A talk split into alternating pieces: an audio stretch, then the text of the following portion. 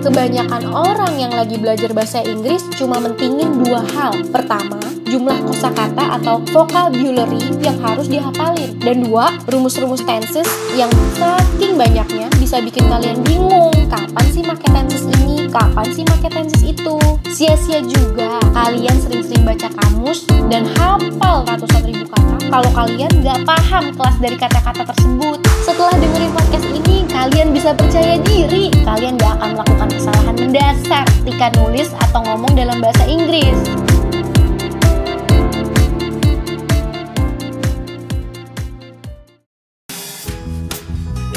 Selamat datang di Ngerti Inggris Podcast. Podcast belajar bahasa Inggris tanpa kursus. Karena bahasa Inggris bukan cuma soal kamus dan rumus. Di sini gue mau coba sharing pengetahuan gue soal bahasa Inggris. Dan yang mau gue bahas kali ini adalah part of speech. Kenapa? Karena menurut gue part of speech ini penting banget, tapi mungkin banyak dari kalian yang benar-benar asing sama istilah itu. Nah, kalian pasti pernah denger kan istilah verb atau kata kerja. Noun alias kata benda atau adjective alias kata sifat dan mungkin temen-temennya yang lain. Nah, kalian tahu nggak sih guys, semua istilah itu adalah bagian dari parts of speech. Nah, secara pribadi, gue merasa kalau parts of speech ini penting banget buat kalian, orang-orang yang lagi belajar bahasa Inggris. Tapi kok gue ngerasa banyak orang yang remehin part of speech ini ya? Ya nggak sih?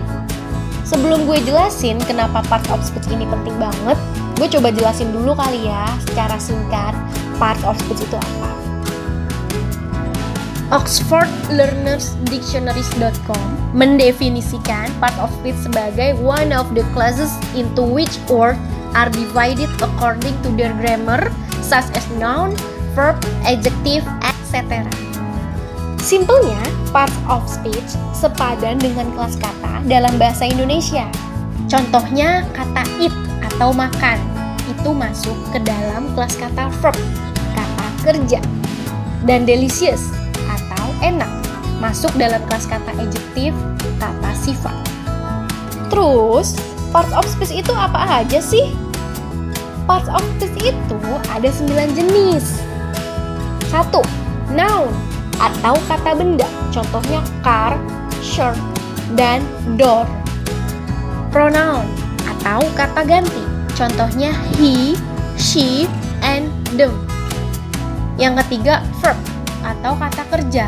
Contohnya look, run, and sleep. 4. Adjective atau kata sifat. Contohnya long, tidy, smart. 5. Adverb atau kata keterangan. Contohnya thoroughly, often, dan well. 6. Preposition atau kata depan. Contohnya in, on, at. 7. Conjunction atau kata hubung. Contohnya and, or, but. 8. Interjection atau kata seru. Contohnya oh, wow, ow. Dan yang terakhir, 9. Determiner. Contohnya the, some, few. Kalau udah disebutin jenis-jenisnya, semoga kalian lebih ngerti ya parts of speech itu apa. Mungkin kalian merasa itu terlalu banyak dan susah dihafalin, tapi percaya deh, kalau kalian ngerti parts of speech, kalian gak akan merasa kesulitan belajar bahasa Inggris. Dan ya, kalian harus tetap ngapalin semuanya ya. Tapi tenang, gue bakal bikin episode soal pembentukan kata dalam bahasa Inggris yang bakal bikin kalian lebih cepat dan gampang memahami parts of speech ini. So, follow podcast ini ya. Atau kalian bisa juga nonton versi videonya di YouTube. Search aja Ngerti Inggris Podcast. Subscribe juga ya. Kalau kalian udah tahu part of speech itu apa dan jenis-jenisnya apa aja, sekarang gue mau jelasin nih kenapa menurut gue part of speech itu penting. Berdasarkan pengalaman gue, kebanyakan orang yang lagi belajar bahasa Inggris cuma mentingin dua hal. Pertama, jumlah kosakata atau vocabulary yang harus dihafalin. Dan dua, rumus-rumus tenses yang saking banyaknya bisa bikin kalian bingung. Kapan sih make tenses ini? Kapan sih make tenses itu? Parts of speech ini jadi jembatan yang menghubungkan kedua sisi itu. Vocabulary dan tenses.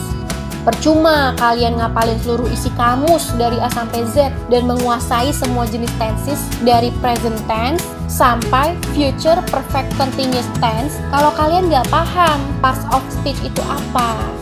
Parts of speech ini ngebantu kalian menempatkan kata-kata yang udah kalian hafalin ke dalam rumus-rumus tenses itu. Kita pakai contoh deh biar penjelasannya lebih gampang ya.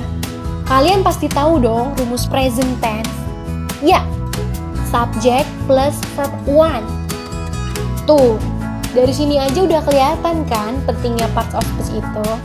Rumus tenses nggak didasarkan pada kata-kata tertentu, tapi pada kelas dari sebuah kata. Kita pakai contoh kalimat I work deh, biar lebih jelas. Di kalimat ini, kata I yang merupakan pronoun berperan sebagai subjek, sedangkan kata work berperan sebagai verb one. Tapi kalian gak harus selalu pakai kata I sebagai subjek dan kata work sebagai verb one. Kalian bisa pakai kata apa pun selama kelas dari kata tersebut bisa memenuhi syarat subjek plus verb one. Oke, contoh kedua adalah she smiles. Di sini pemahaman kalian terhadap rumus present tense harus agak dinaikin dikit ya guys. Tapi harusnya kalian udah ngerti. Kata she di sini mirip dengan kata I contoh sebelumnya tadi. Kelas katanya pronoun dan berperan sebagai subjek. Tapi kata si ini adalah kata tunjuk orang ketiga yang akan mengubah bentuk verb one-nya menjadi verb one plus s. Makanya kita pakai smiles, bukan smile. Contoh terakhir, the shirt is expensive. Di sini subjeknya ada dua nih, dua kata dan gak ada verb one murni makin ribet lagi ya, nggak apa-apa, namanya juga belajar. Di kalimat ini, yang jadi subjek adalah the shirt, yang terdiri dari dua kata dengan dua kelas kata yang berbeda, yaitu the, yang merupakan determiner, dan shirt, yang merupakan kata benda alias noun. Di sini, verb one digantikan oleh auxiliary verb alias kata kerja pengganti yaitu is. Kenapa pakai is? Karena tujuan kalimat ini adalah untuk menyampaikan bahwa baju itu mahal. Sementara kata expensive adalah kata sifat. Jadi kalian gak bisa bilang the shirt expensive karena nggak sesuai sama rumus present tense tadi. Makanya kita perlu nambahin kata kerja pengganti.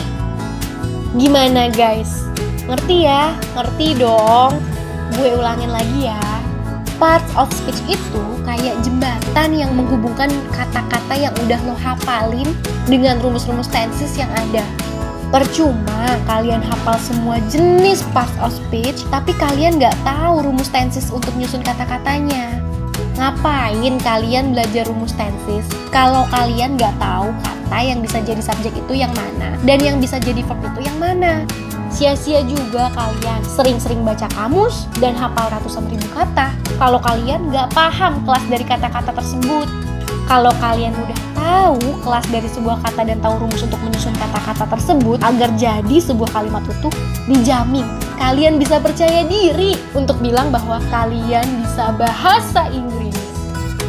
Emang sih masih banyak yang perlu dipelajari, tapi kalau kalian paham ketiga hal tersebut, kalian gak akan melakukan kesalahan mendasar ketika nulis atau ngomong dalam bahasa Inggris. Setelah dengerin podcast ini, gue harap kalian punya kesadaran yang lebih tinggi ya guys ketika menggunakan bahasa Inggris, khususnya soal si part of speech ini. Gue harap kalian gak lagi deh ngomong I am panic atau I am agree, karena panic dan agree itu dua-duanya kata kerja alias verb. Jadi gak perlu pakai M lagi yang adalah auxiliary verb. Oke? Okay? Thank you for listening. Jangan lupa follow podcast dan Instagram Ngerti Inggris Podcast ya. Subscribe juga ke YouTube channel Ngerti Inggris Podcast. See you later guys.